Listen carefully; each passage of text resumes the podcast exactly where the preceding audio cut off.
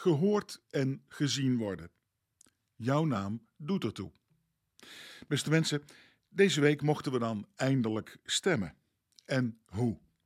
We konden kiezen uit maar liefst 1126 namen van kandidaten op een lijst, die bij elkaar op een enorm vel papier op behangformaat in ieder geval toen nog een broederlijk en zusterlijke eenheid vormden. Op papier dan. Maar na woensdag lijkt alles anders.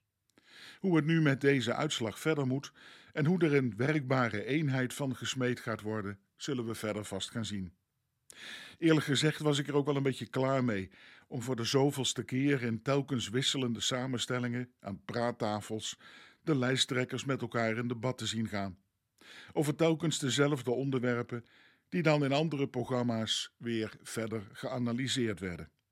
Eerlijk gezegd vond ik om met de kleinkinderen te kijken naar of na te bespreken van het Sinterklaasjournaal een heerlijke afwisseling. En ook hier heeft met speculatie het diepgaande nagesprek een heerlijke humoristische betekenis gekregen. En die nuchtere, gezonde zelfspot moeten we denk ik op allerlei gebieden van de samenleving er maar inhouden, lijkt me. Dat heerlijke spel rondom Sinterklaas leverde ook een aardig moment op. Steeds meer ontdekken namelijk de tv-makers dat we in een tijd leven van digitale interactie.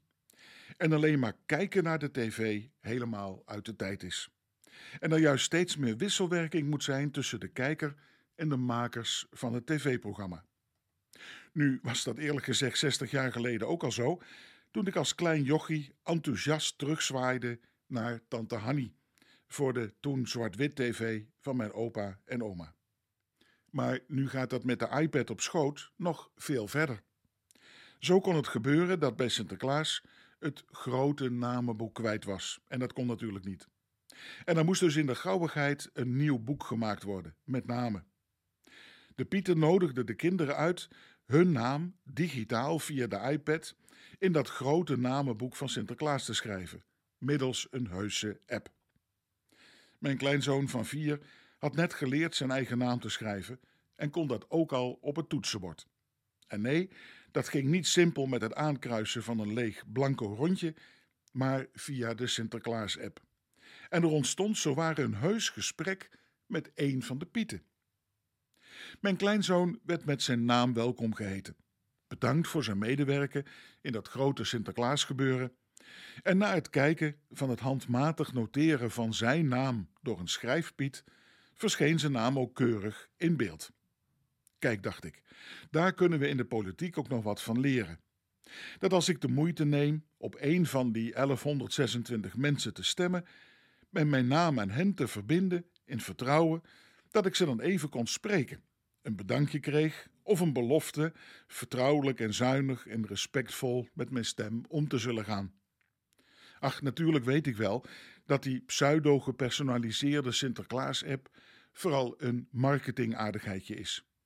En dat 1126 kandidaten natuurlijk niet echt met ons allemaal individueel aan de praat kunnen komen, hoewel het zou wel mooi zijn.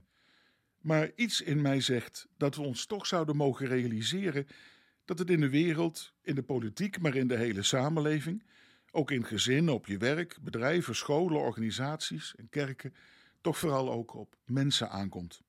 Mensen die gehoord en gezien willen worden, inderdaad, met hun vreugde, verdriet, zorgen en hoop.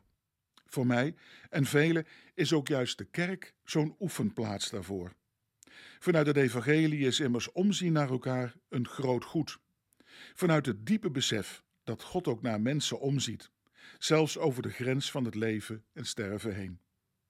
Vandaar dat ik het ook een waardevol gebruik vind dat in heel veel kerken, bijvoorbeeld aanstaande zondag, één keer per jaar de namen van de overledene collectief herdacht worden en vaak ook genoemd worden.